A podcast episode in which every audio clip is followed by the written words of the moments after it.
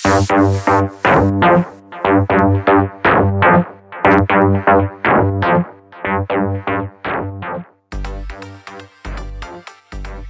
og velkommen til eh, Mulighetspodden. Det her er jo vår podkast der vi deler ulike erfaringer i det å rett og slett ha bedriften på, på nett. Og i den sesong nummer to her så har vi jo fått med oss eh, de som har lykkes med eller en del av de som har lykkes med det å gå eh, på nett med sine bedrifter, enten det er online-kurs eller andre måter de driver sine bedrifter på. Så eh, i dag så skal vi ha en intervjupod med eh, Petter Erik og Maria.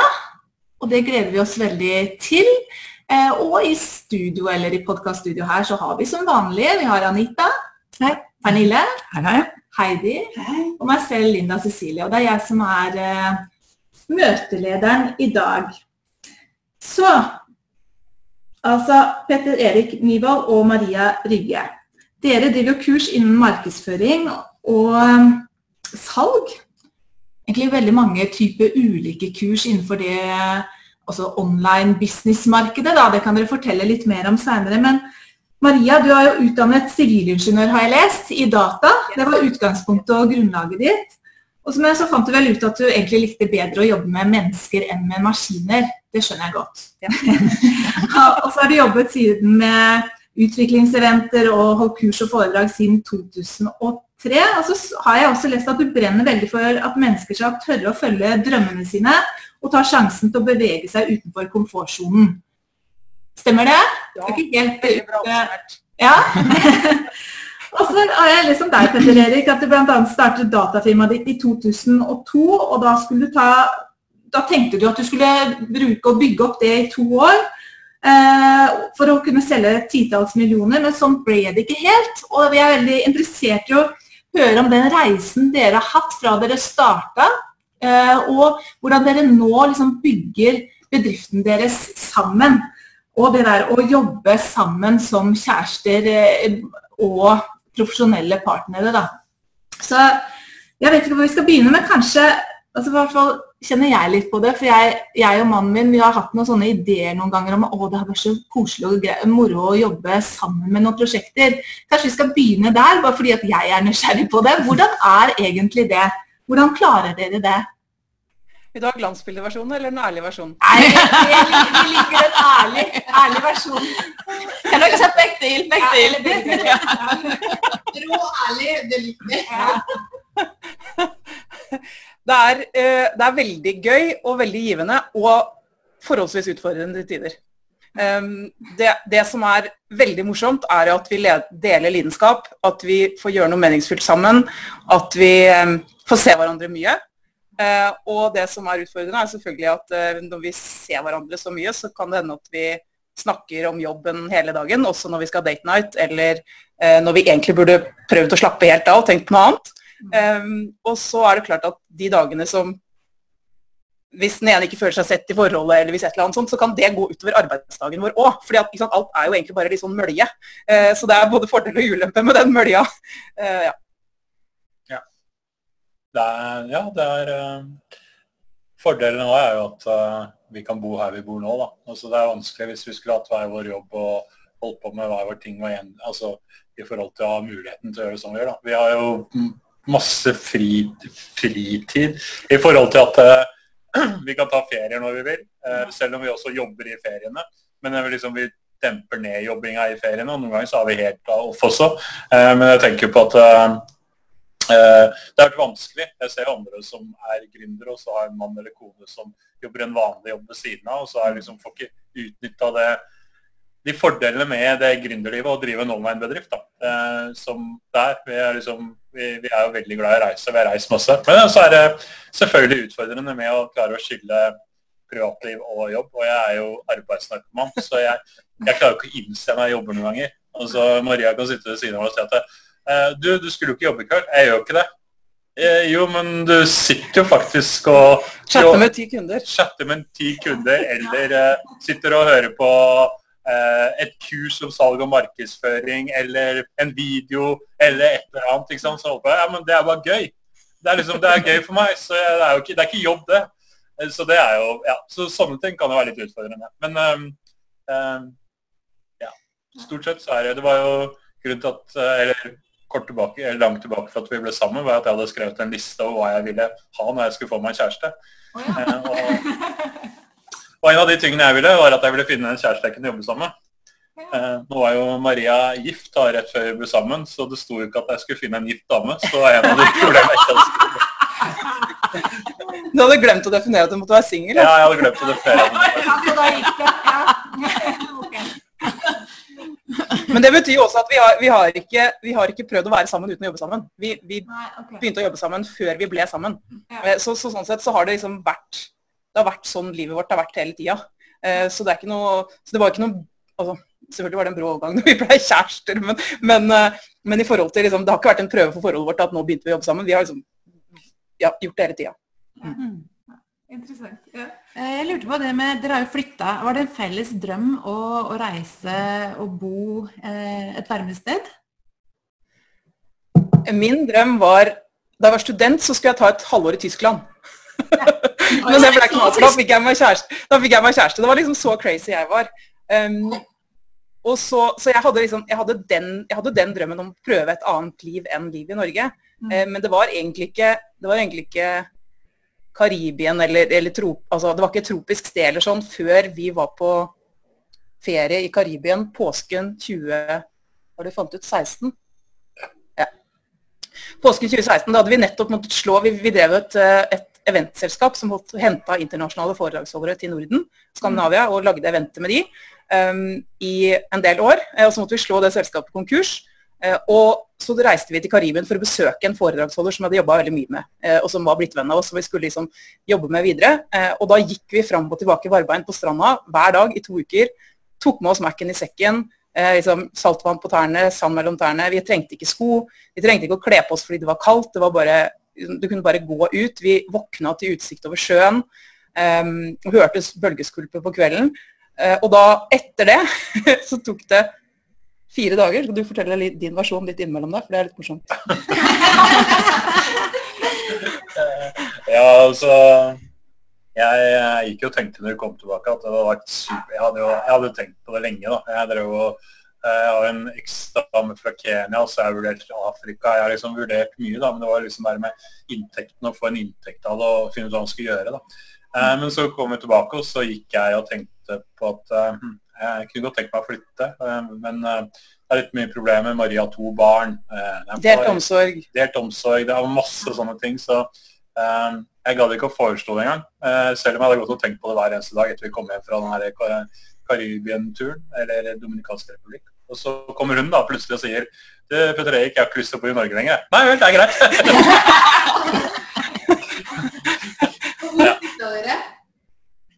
Ja, nå, er vi, vi- nå bor vi i- i Vietnam.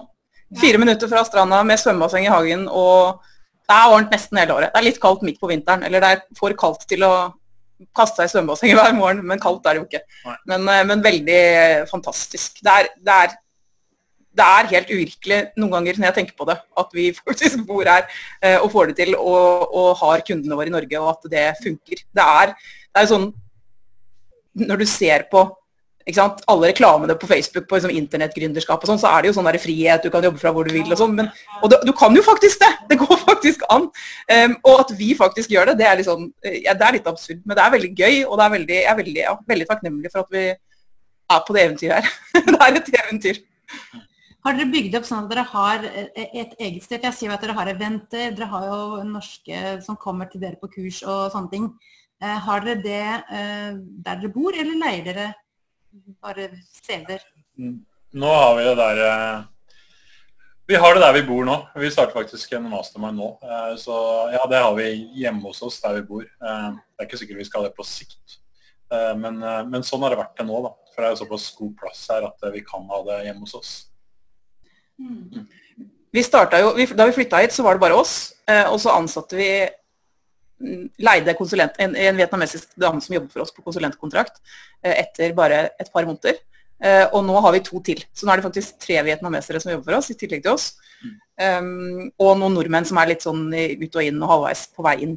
Uh, og det er jo, ja, Men det gjør også at fordi at vi har jobben, altså vi har hjemmet vårt som arbeidsplass, så når de andre kommer, så blir det litt sånn mye med plutselig unger og uh, ansatte og kunder og, alt mulig. Så vi, vi, vi, snakker om det hele tiden. Men det er også litt gøy å på en måte kunne vise fram, vise fram en være der hvor vi er. fordi at mange av kundene våre drømmer jo om den friheten som, eller den um, å kunne gjøre noe sånt noe. Så det er liksom det å faktisk oppleve hvordan vi faktisk bor og har det, eh, som, som, vi ser at kunder som kommer hit, setter pris på. da. Mm. Eh, jeg bare lurer på, Kan ikke dere si litt om hva slags produkter dere har? Jo. Det er kanskje litt lurt. Har vi noe produkt? Har vi noe produkter? um, hovedproduktet vårt er et medlemskap um, som er um, som, er, ja, som, hjelper da online-gründere, altså faktisk de som selger kurs på nett, um, til å med Facebook-annonsering. Vi har en sånn Q&A annenhver uke med Facebook-annonsering. Vi har en teknisk Q&A som uh, de sender inn spørsmål til oss, og så svarer vi på spørsmål som de lurer på. Og så har vi det som er hovedsendinga vår annenhver uke, som er en to timers sending, Og vi hjelper til med det vi kaller salgsdrakt Q&A. Så går vi gjennom landingssider, webinarer, eh, alt, alt, det som er rundt det for å finne ut hva er det som egentlig ikke funker. da. Ikke? Gratiskurs som ikke funker, får ikke salg etterpå. Alt dette går vi gjennom da. Um, så dette er et medlemskap som vi egentlig kjører i en Facebook-gruppe. Eh, så det er hovedproduktet vårt. Og så har vi eh, det første året som vi gikk i gang med online business, så lagde vi fire online-kurs. Eh, og det var jo ekstremt mye. Og vi hadde en mentor som bare det, har, Dere har virkelig behov, bevist at dere klarer å liksom gjøre ting. Get shit done, som han sa. Og han sa liksom ja, alle mine ting er liksom my shit. Så du har masse ikke, ikke, fordi det er, ikke fordi det er dritt, men fordi at du har fått, gjort masse. Men det vi endte med å gjøre, var å, var å kaste vekk noen av kursene fordi det ikke var bra nok, eller vi ser at målgruppa vår har blitt spissere på, på reisen vår. Eh, og at vi selger medlemskapet med kursene våre som bonus. Så istedenfor å selge fire forskjellige produkter, så selger vi medlemskapet, og så får de kurs som bonus når de binder seg i x måneder.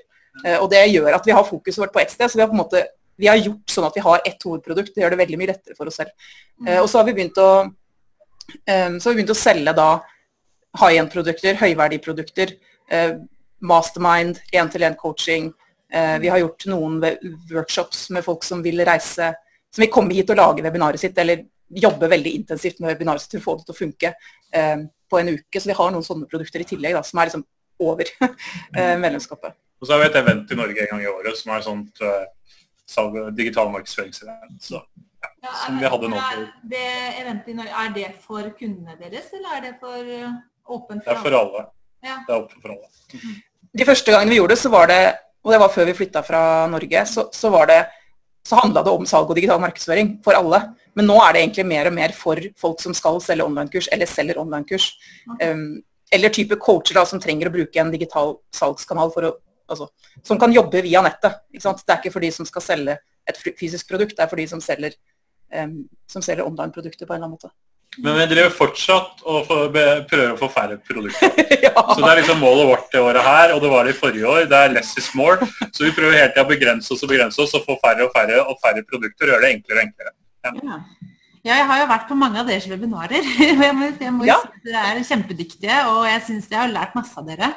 Bare ved å være på webinarer og sånne ting også. Og jeg syns eh, dere har så dere, liksom så, dere, kan så mye på forskjellige områder. så dere er liksom veldig sånn online business, eh, virkelig sånn bredt spekter på det. Det må jeg si.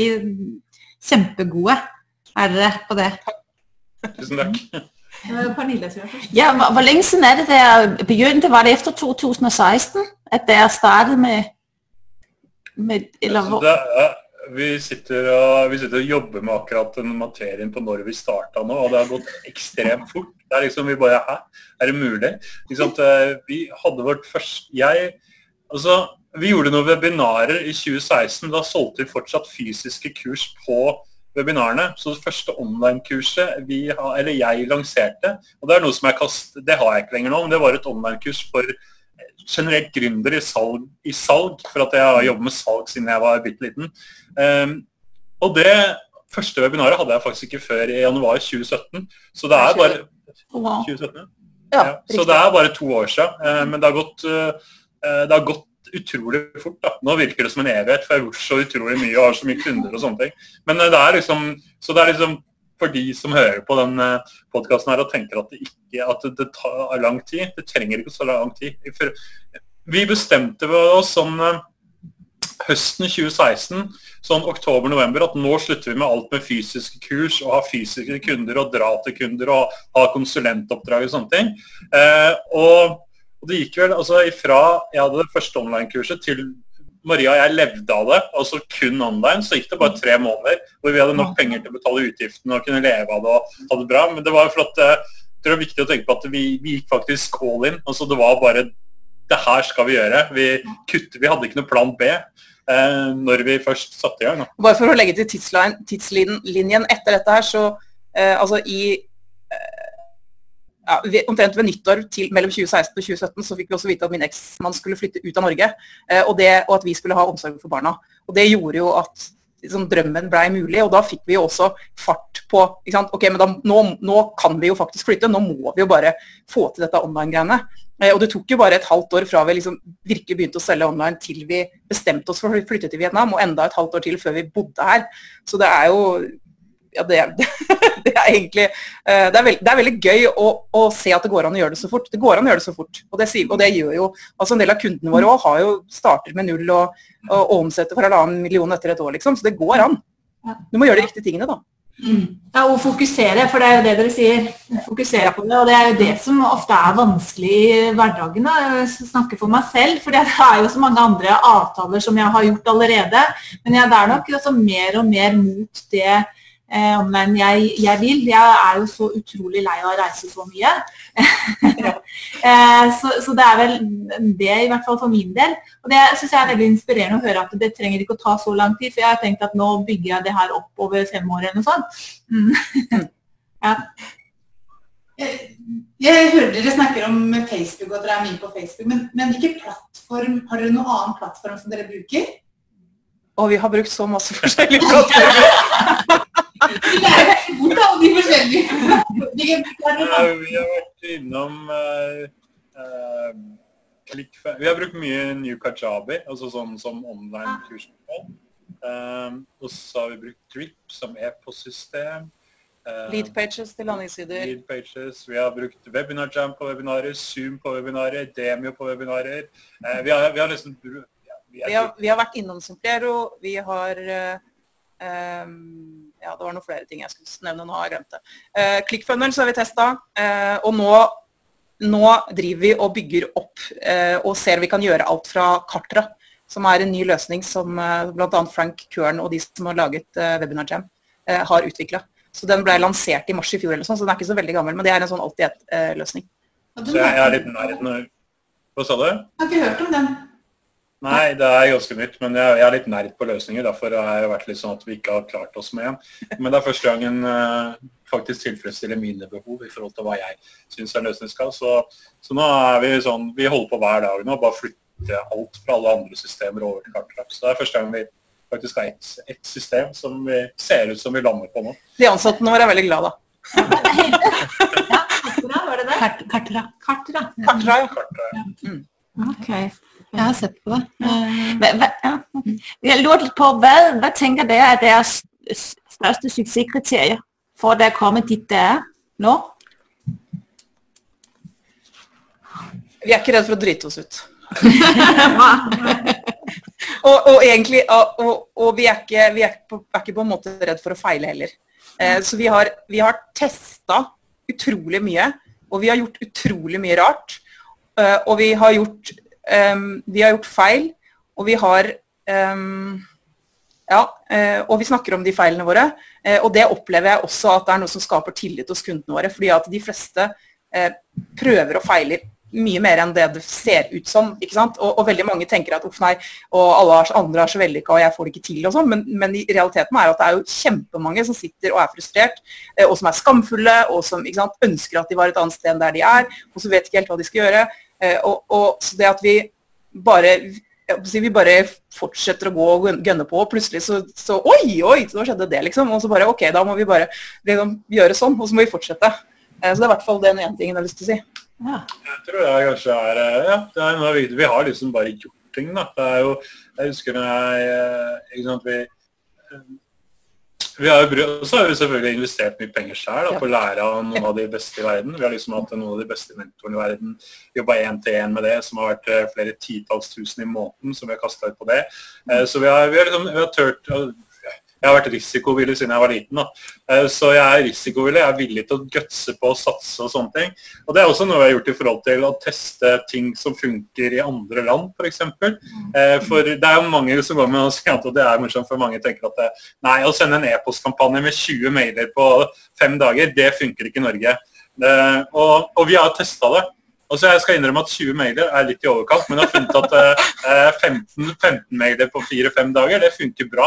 Eh, så det er det at vi har liksom prøvd det ekstreme og sett hvor, hvor er det grensene går på hva som egentlig funker på salg og markedsføring. At det er så mange som kaller ting den amerikanske modellen, men egentlig så er det ikke noen amerikansk modell. Det handler bare om psykologien i salg og markedsføring. Hvor vi mennesker er ganske enkle og simple, så funker det Eh, et sted, så funker det ofte et annet sted. Det er liksom, så, så det er en ting som gjør meg sånn forvirra. Altså alle snakker om den amerikanske modellen. Hva er egentlig den amerikanske modellen?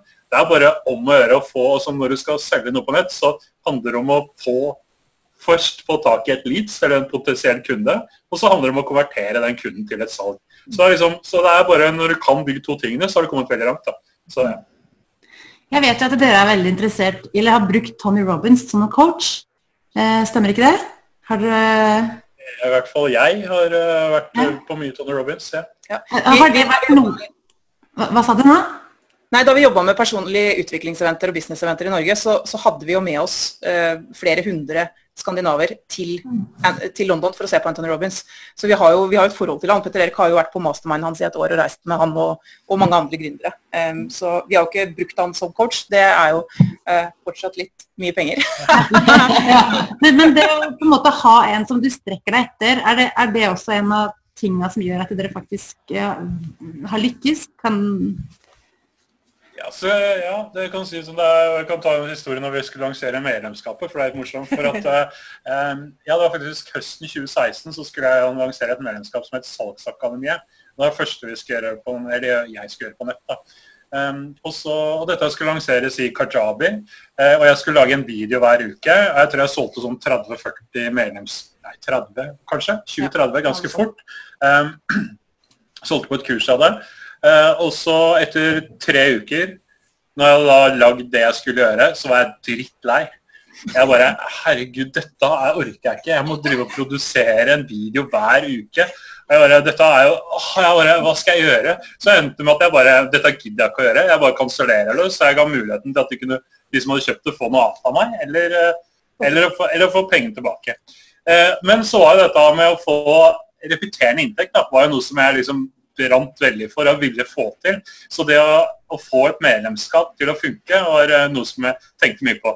Så jeg studerte masse forskjellige medlemskaper, gikk på mye kurs, eh, fikk kontakt med folk som hadde lykkes med medlemskap, og fant ut hva man gjort.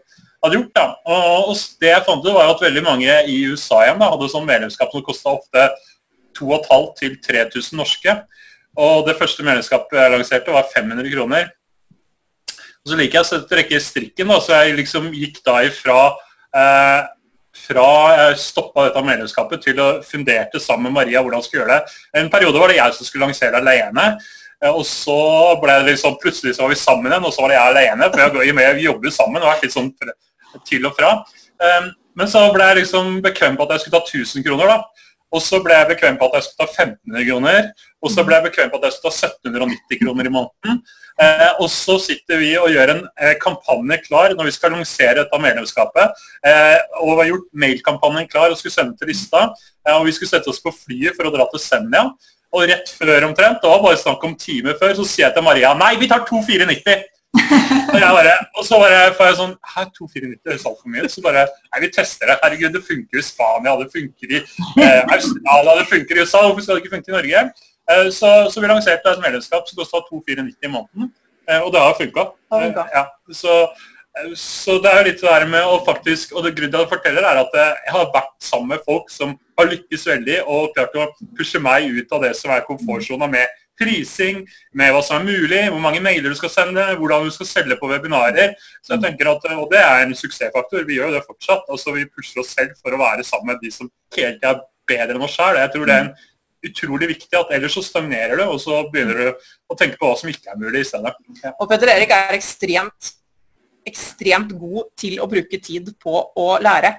Mm. Jeg er ikke like flink til å sette av tid til å lære, men, men, men, eh, du bruker jo mange timer i uka på det. Altså, jeg bruker tid på det, jeg òg, men jeg er ikke like flink som Petter Erik. Hvis det er mye å gjøre, så blir jeg sånn ok, nå må jeg gjøre det. Eh, og Petter Erik bare sånn nei, nå setter jeg meg ned og hører på Frank Kern, eller nå setter jeg meg ned og hører på Amy Porterfield, eller ikke så, så, eh, Og det er jo selvfølgelig en suksessfaktor. Ja, det tenker jeg. Ja. ja. Superspennende å høre, helt klart. Ja. Det er veldig.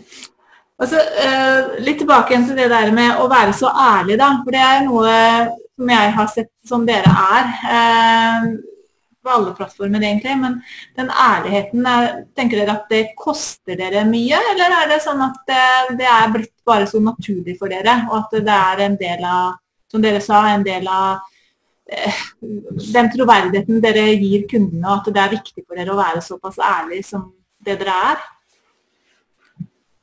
Jeg hadde en, eh, en sånn jeg må si transformasjonsopplevelse, eller hva kan vi kalle det. det. vi hadde eh, et event i 2013 hvor jeg skulle introdusere Brendan Bouchard. og Han er det jo mange i vår bransje som, som, kjenner. og Han var ekstremt energisk. Han spratt rundt på scenen. Han hadde liksom underholdt, undervist og bare dratt med seg 650 mennesker. og Det var bare liksom syk stemning dagen før. Så jeg kjente liksom prestasjonsangst på hva skal, jeg, hva, skal jeg, si, hvordan skal jeg få dette til å bli riktig, og tenke om jeg ikke er bra nok. Alt det der. Og så Eh, og så hadde jeg en lapp med ting jeg skulle huske å si. Eh, og så gikk jeg fram på scenen, og så plutselig så fikk jeg en sånn Nei, nå driter jeg i den lappen. Så jeg sto foran på scenen, og så dreiv, dreiv jeg den lappen i småbiter, så den regna sånn fint ned foran publikum. Eh, og for meg så var det sånn Nå kan jeg bare altså nå, Det eneste jeg skal gjøre, er å være meg sjæl. Mm. Jeg klarer faktisk ikke å gjøre noe annet enn å være meg sjæl. Og, og, og det, jeg, det, jeg, ser at kundene mine gjør altså Det er mange her som er sånn ja, men jeg kan ikke fortelle den historien også, jeg kan jo ikke si det, og jeg må passe på at jeg virker sånn. Og det er så utrolig slitsomt. Mm. Så, så, så, for meg så er det Det har bare gjort alt mye enklere. Eh, at jeg, Selvfølgelig tenker jeg på hva jeg skal fortelle og hva jeg ikke skal fortelle, og noen historier passer ikke overalt, og sånn er det. Mm. Men, men, jeg, men jeg, jeg, jeg, prøver ikke å være noe andre enn det jeg er. Eh, og det er liksom, jeg tenker at det er kjernen i det der i forhold til hvor ærlig du skal være. Og det mm. gjør det. Så jeg, jeg tenker at eh, ja, folk veit ting om meg, og alle vet at vi har måttet slå selskapet vårt konkurs. Men, men, men, jeg føler ikke at det er noen kostnader forbundet med det. Jeg bare føler at det gjør det utrolig mye enklere for meg selv. Mm. Eh, og så er det mye lettere å være kongruent, det er mye lettere å være tydelig, det er mye lettere å eh, vise hva du brenner for. Alt det der liksom, det henger sammen. da. Mm. Eh, og, og jeg, tror at, jeg tror at alle som, altså, alle som driver en business i en konkurrerende marked, og det gjør vi jo alle nå som driver med online-kurs og sånn. Det er jo sant, så masse muligheter og så mange leverandører. Og vi som selger vårt eget tryne, om vi vil det eller ei. Eh, hvis ikke vi klarer å by på oss selv, hvis ikke vi klarer å fortelle historiene, hvis ikke vi klarer å dele ting som er litt flaue av og til, eh, så, så, har vi ikke noe personlighet. Og da blir vi ikke heller eh, synlige, tydelige og tiltrekkende, som du trenger å være når du skal bygge en online-business. I hvert fall hvis du vil skalere litt. Mm. Ja, jeg har i hvert fall kjent på det. Det er jo en utfordring det å tørre å være seg sjøl. Ja. Og, og, liksom tørre å by på seg sjøl. For at den, en, en, en, har en sånn sabotør på skuldra som, som ofte en snakker så stygt om seg sjøl. Etter 'hvorfor sa jeg det', eller 'hvorfor gjorde jeg det', eller ikke sant. Sånne ting. Det, men jeg syns dere har vært så utrolig gode på å, på liksom, å eie den trygghetsfølelsen og tørre å være dere sjøl. For det har jo virkelig nådd ut, syns jeg, på webinarene og sånn som dere har holdt. Så har dere virkelig det er liksom klart å liksom være dere sjøl og, som du sier, eie det, da. Mm. Det syns jeg har vært Det er hyggelig å høre at det, det, høre at det, at vi, at det oppfattes sånn også. Ja. for det er viktig for oss, altså det, er, det, er, viktig for oss, og det har blitt noe av liksom varemerket vårt òg, tenker jeg. Ja. jeg tror at Hvis ikke du eier det sjøl, så vil du på en måte bli falsk. eller Det vil på en måte ikke, det vil skinne gjennom. da. Men er det ikke også litt godt å, å, at folk vet at uh, man har jo noen uh, blømmerter, og at man kommer når man reiser seg opp igjen etterpå? Det er jo egentlig en styrke, spør du meg. Mm. Det er det. At man tør å Jeg tenker på det sånn. Jeg tenker på det sånn. Alle mennesker går på smeller før eller siden i større og mindre grad. Uh, og, og, hvis vi prøver å skal skjule dem for hverandre og late som alt er liksom da blir det vanskelig å be om hjelp. da blir Det vanskelig, sant? Det er masse ting som henger sammen med, og det er en fordel. Og jeg vil at folk skal være autentiske, og at de skal fortelle historiene sine. og det, Jeg tror det er et markedsføringsfordel å, å gjøre det. Men, men, vi damer er kanskje lettere for å dele de tinga. Åssen er det for deg? Åssen syns det? Jeg tenker at jeg kanskje er litt dum. Altså jeg skjønner ikke at det er så mange som hører på meg. jeg tenker at jeg bare står og snakker til et kamera, og så plutselig så er det noen som kommer og sier at hei, Petter Erik, det er så inspirerende å gjøre. Jeg bare, Hvordan vet du hva jeg snakker om? Jeg bare snakker til et kamera. Det er en veldig fin eh, måte å takle det på. Ja, for det er veldig fort å bli opptatt av seg sjøl, da. Og så, bare, og så, og så blir du, du blir altfor opptatt av deg sjøl, så glemmer du på en måte å egentlig inspirere. Mm. Jeg poeng Ja, nå. Ja. Vil du si noe? Nei, jeg tror ikke det. Nei, jeg lurer bare på um, Som team dere to, har dere forskjellige roller, eller bare utspiller dere hverandre? Eller er det sånn, har dere klare roller, hvem der gjør hva? Vi har forskjellige roller, men det var ikke klare. uh, Maria, Jeg har dysleksi, da, så jeg skriver jo ikke noe. Altså, jeg kan komme med ideer til mailer og sånne ting, men Maria er den som skriver nesten alt. Altså alt det vi gjør på, av uh, landingssider, e-postkampanjer, alt det gjør hun. Um, vet ikke, kanskje hva er det jeg gjør, da? Gjør jeg noe i det hele tatt? du har flere jenter igjen. Petter Erik er, Petter Erik er enda hvassere enn meg på strategisk altså utvikling av folks bedrifter. og det er jo kanskje derfor um, Så du har en del online-kunder som har gjort det veldig bra. Um, jeg er kanskje mer tålmodig med de som er litt mer i starten, og som trenger litt mer sånn steg for steg eh, liksom gjennomgang og omsorg når det føles eh, kjipt eller skummelt. eller et eller annet sånt. Og Petter Erik er mer sånn her, ok, du har fått til alt dette allerede, da gjør du det og det og det, og så er det bare fo! Hopp inn i meg. Ja. Ja, altså jeg, jobber, jeg jobber en god del med én-til-én med kunder. Da. Det er jo det er ikke Maria som gjør. Og så eh, Jeg vet ikke. altså Kanskje jeg kommer Jeg er jo ekstremt kreativ, da, så jeg kommer kanskje med altfor mange ideer for Maria sitt hode innimellom. På hva vi kan gjøre nytt og hva vi kan gjøre annerledes og sånne ting. Um, men, uh, men, jeg tenker at vi også vi er begge egentlig visjonære. Men vi klarer også å balansere oss på hverandre. Altså sånn i forhold til at vi ikke skal uh, fly til månen, liksom. At vi klarer å holde litt bakkekontakten. Og vi har blitt mye flinkere, da. Uh, og, og, og, klart at for altså alle gründere jeg kjenner, er jo kreative på en eller annen måte.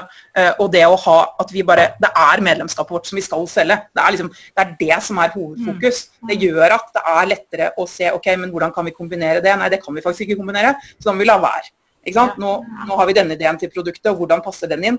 Eh, liksom, gir det mening i forhold til medlemskapet? Nei, da, bare, da, da må vi legge det vekk. Så, så, så, jeg, så, jeg, tror at det å, hvert fall det at vi gjorde det valget, da, at vi bestemte oss for at bare, det er bare medlemskapet som er liksom hovedfokuset vårt, eller det er, det, det er der vi loser i hvert fall det første salget måte, inn der, da, så, så, har det hjulpet oss veldig med å ha fokus og, og håndtere. fordi at jeg har også ideer, men litt på en annen måte. måte Petter Erik. Um, ja.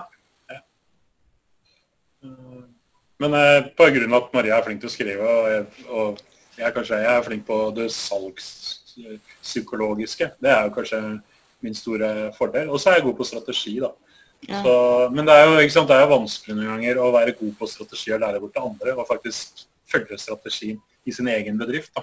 For eh, vi er jo, også, det, er jo, det er en av de tingene i hvert fall jeg opplever når jeg jobber med andre, coacher andre og også ser meg selv, det er det liksom det er å holde seg på den smale stien og bestemme seg for at dette er det produktet jeg skal holde på med, og jeg skal ikke ut og veie vaie og, og, jeg skal ikke Oi, der, ikke sant? Det er sånn, oi, der fikk jeg tilbud på å gjøre det, og det var jo kjempespennende. Og da gjør jeg litt her, og så gjør jeg litt der, i stedet for liksom bare snevre inn, ha fokusert. Det er da, jeg tenker at det er jeg tror det er nøkkelfaktoren til uansett om det er online-gründere hva det er, det er liksom å bare bestemme seg for å gjøre én ting og gjøre det skikkelig. Og tørre å liksom, Som jeg sa, vi turte faktisk å kaste den businessen vi hadde når vi gikk online. Turte bare få den bort og turte bare gå på og gjøre det. Um, så, så, jeg tror at det er liksom Hvis det er ett råd jeg har, så er det det. Også, å bare tørre å bare slippe alt og gå all in. Og det er sånn når du begynner å, Sånn ser jeg med kunder òg. Når jeg begynner å si nei til noen kunder, som jeg nå gjør da, for at jeg, mulighet, eller for at jeg vil ta de jeg har lyst til å ta,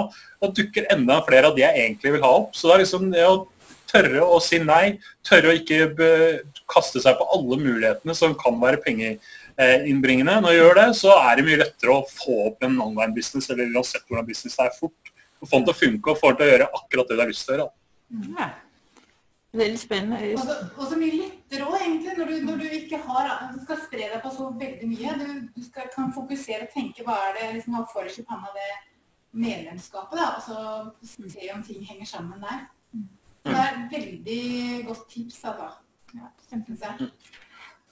Ja, ja, ja, ja, vi bruker også å spørre dem vi intervjuer hva har vært den største utfordring. Og så hører jeg litt sånn at den største utfordringen har kanskje vært å begrense. ikke å, men det er ikke sant, eller har dere noen tanker rundt det? Den, den største Apropos det å jobbe sammen, den største utfordringen er kanskje at, at noen ganger så vil vi litt forskjellige ting.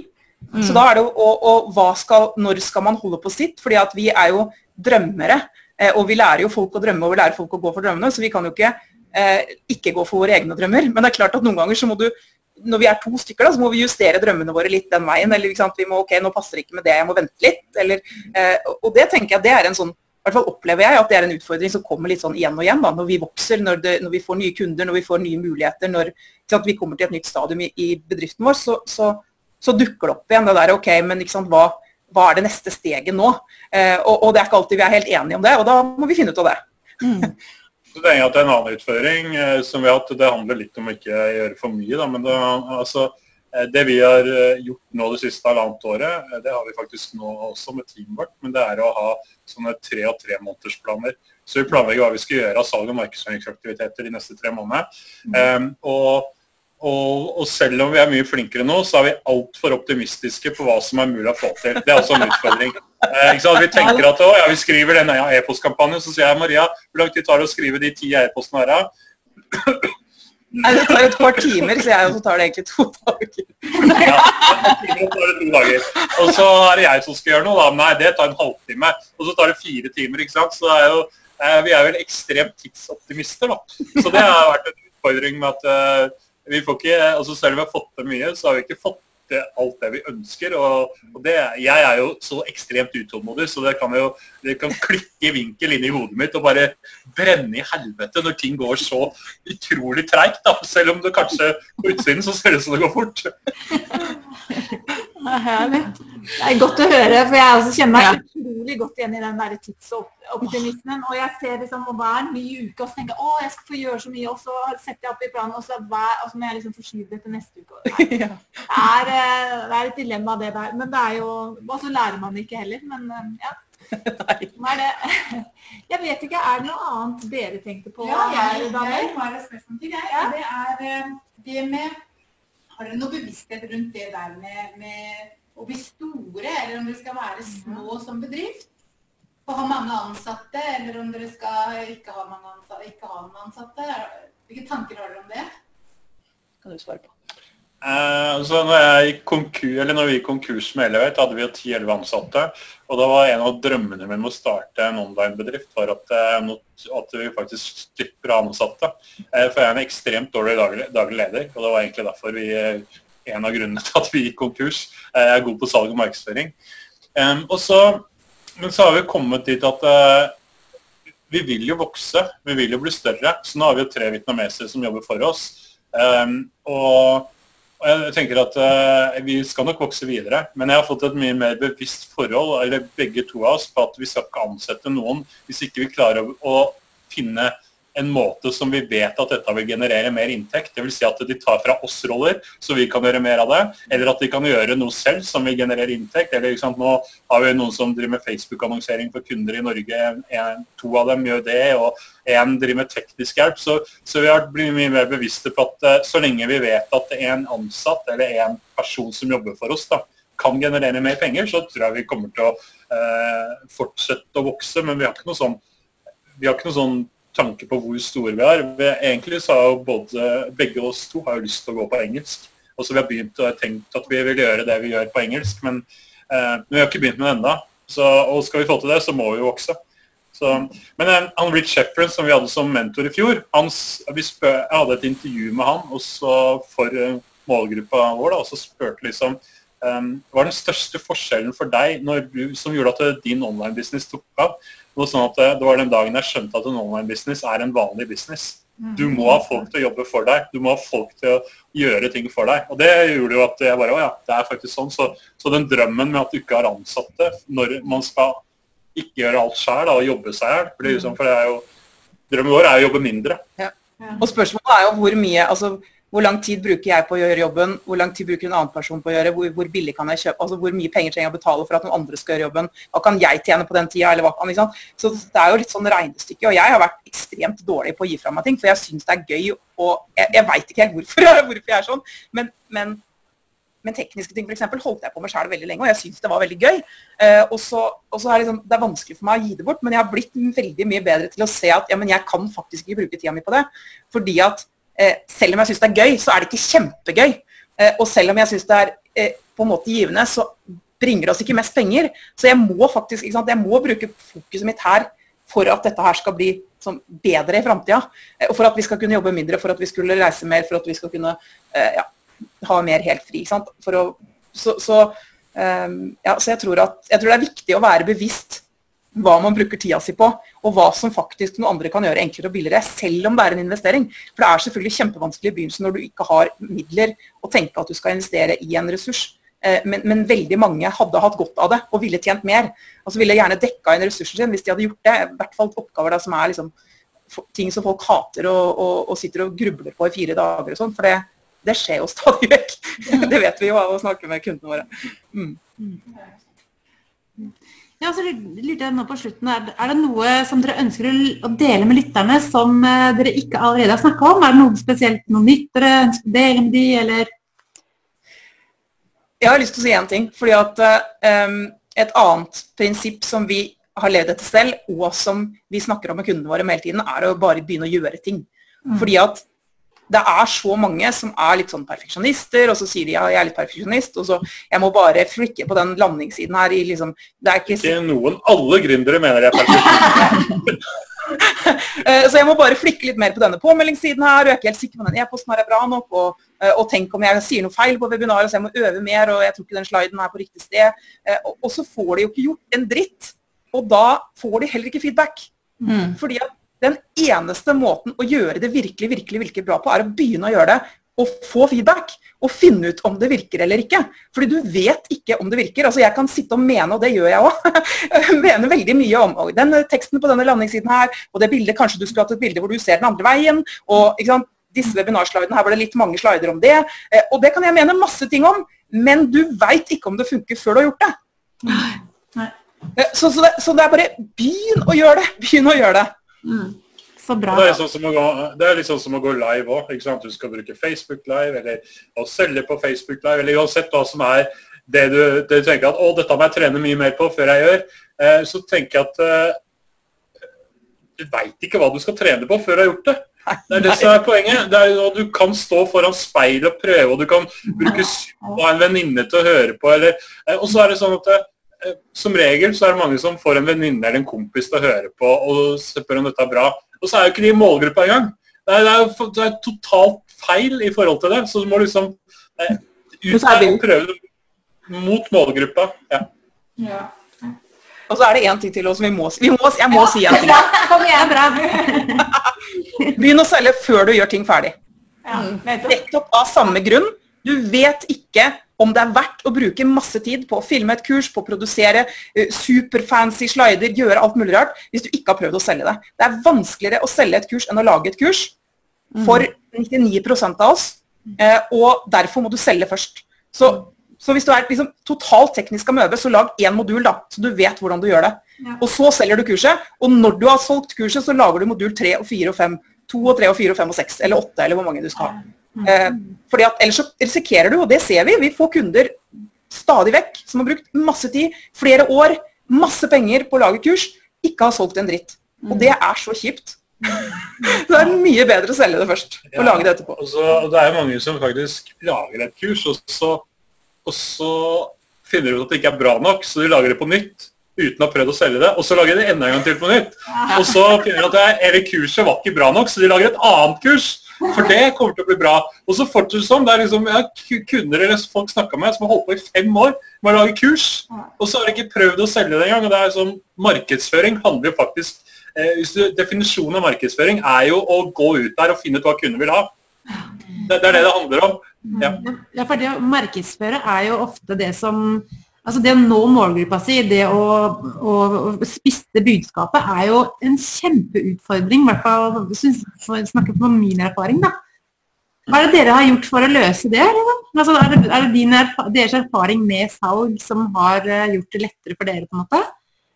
Det er en kom... Ja, skal du snakke? Jeg skal si nei, ja. Nei, jeg, nei, det er en Jeg tenker at vi er, jeg er konstant bevisst på hva er det, altså Når jeg er coachingsamtaler med kunder, hva det opplever de sier til meg, hva de gjør altså Jeg er hele tida på det der. og Det er, det er en ongoing process. da, Det er med å, å bli god på målgruppa. Det er ikke noe sånn at sant, du kan gå på et kurs, og så er det første modulen på kurset her, alle snakker om det. Bli god på målgruppa, gjør dette. Og så, og så Problemet er at mange gjør den oppgaven, og så tenker de nå har jeg nådd målgruppa mi. Og så kanskje de snakker med meg eller snakker med en annen eller noen. Ja, dette var bra, nå har du målgruppa. Eh, men for oss er det sånn at eh, vi er mye tydeligere på målgruppa vår nå enn for to år siden, selv om vi egentlig bestemte oss for målgruppa for to år siden. For vi har snakka med mer kunder, vi vet mye mer hvem vi vil ha. Vet, så det er jo så det hele tida Sende, sende spørreundersøkelse til lista, hele tida kommunisere med lista. Sende mailer som du kan få svar på. Eh, når forrige, Vi sendte en sånn eh, kalles nine word email, er ikke den kalles? Jo, jo. Ja, eh, det er en som heter eh, Dean Jacqueline, som er kjent for en sånn mail som heter Nine Word Email. og det er sånn, Du sender en mail til lista som er sånn Hei, eh, er du fortsatt interessert i å lære deg, med, å, lære deg å lage kunst hvis du selger kunstkurs. da. Mm. Og Så sender du dem til lista, og så gjerne med subject line, kan bare være navnet deres. Og så får du masse svar. Du får haugevis med svar tilbake, for de tror at det er en personlig mail. Og det er hele tida å gjøre sånne ting som gjør at du kan kommunisere med de som er på lista, og hele tida en dypere og tettere og tettere dialog med dem. Så blir du mer kjent med målgruppa, og det gjør at du også bli mer tydeligere på hva du skal si og ikke si. Vi snakker om det samme som vi gjorde for to år siden, men kundene våre opplever oss mye mer presise. For at vi vet mye mer hvilke som faktisk er eh, lytterne våre, og de som hører på oss. Mm, mm, mm. Spennende. Ja. Jeg har bare lyst til å stille et spørsmål helt sist. Hva er det morsomste dere gjør med den business der er bygget opp? Hva, hva, det, hva ligger der best å gjøre? Det er sikkert forskjellig fra Maria og Peter. Klarer du å svare på rett på sparket, så kan jeg tenke mens. Jeg, eh, det er to ting jeg syns er veldig morsomt. Eh, det ene er å jobbe én-til-én med kunder og faktisk se at hvis de har gått fra ikke få til salget, til å virkelig få, få det til å funke. og liksom klare å, Jeg er mer opptatt av at kundene mine skal lykkes enn at jeg skal lykkes sjøl. Jeg syns det er ekstremt morsomt når jeg liksom får dem til å se, se det gnistre i øynene deres og bare Yes, jeg har endelig fått det til! Eh, og så liker jeg salg sjøl, så jeg syns det er ekstremt morsomt å selge på webinarer. I hvert fall når salgene bare tikker ned etterpå. Det er de to tingene jeg syns er morsomst. Mm. Jeg, jeg syns at alt som, som, eh, alt som, er formidling, altså alt som er hvor jeg kan um, enten snakke bare til kamera og ha, få feedback på Facebook Live eller på webinar, eller et eller annet sånt, eller når vi jobber med kundene våre på, på disse strategispørsmål- eh, og svarsendingene i medlemskapet, hvor, hvor vi kan eh, formidle kunnskap, hvor vi kan formidle håp, hvor vi kan formidle at folk er bra, at de har tro, altså gitt folk tro på seg sjæl, eh, sparke dem i rumpa eller sparke dem hardt hvis de trenger det. ikke sant? Det, eh, det er det morsomste jeg har gjort. Ja. Så bra. Herlig. Du, eh, jeg tror vi avslutter der. Eh, tusen, tusen takk for alle tips og triks og eh, hva skal jeg si, prinsipper dere har delt, og innsikt og ærligheten og i det hele tatt. Det har vært en nydelig stund, syns vi. Mm. vi har lært masse av, det, masse av dere. Mye jeg har notert meg her, det ser jeg flere av oss har, som vi, kan, vi kan ta med oss inn i våre egne Eh, bedrifter. Og så må vi jo se, kanskje vi ser dere igjen på andre, andre ting. Eh, det var i hvert fall veldig inspirerende å snakke med dere, så jeg tenker her har vi mye å lære. Eh, og så vil jeg si til dere som lytter at følg oss gjerne på Mulighetspodden. Vi finnes både på Instagram og på Facebook og under hashtaggen Mulighetspodden. Og så finner du oss på iTunes, og der må dere gjerne gå inn og abonnere på oss. Og rate oss. Og vi finnes også på eh, Anchor og andre eh, podkast... Eh, Heter det? Apper. heter det, ja. Ikke sant? Så da håper jeg at eh, dere vil gjøre det og lytte på oss og høre på alle de andre spennende eh, businesseierne som vi kommer til å intervjue framover i denne her sesong to av Mulighetspodden. Så tusen takk for oss i dag. Ha det bra. Tusen takk for at vi fikk være med. Ja, Kjempekoselig. Ha det. Ha det. Ha det. Ha det. Ha you.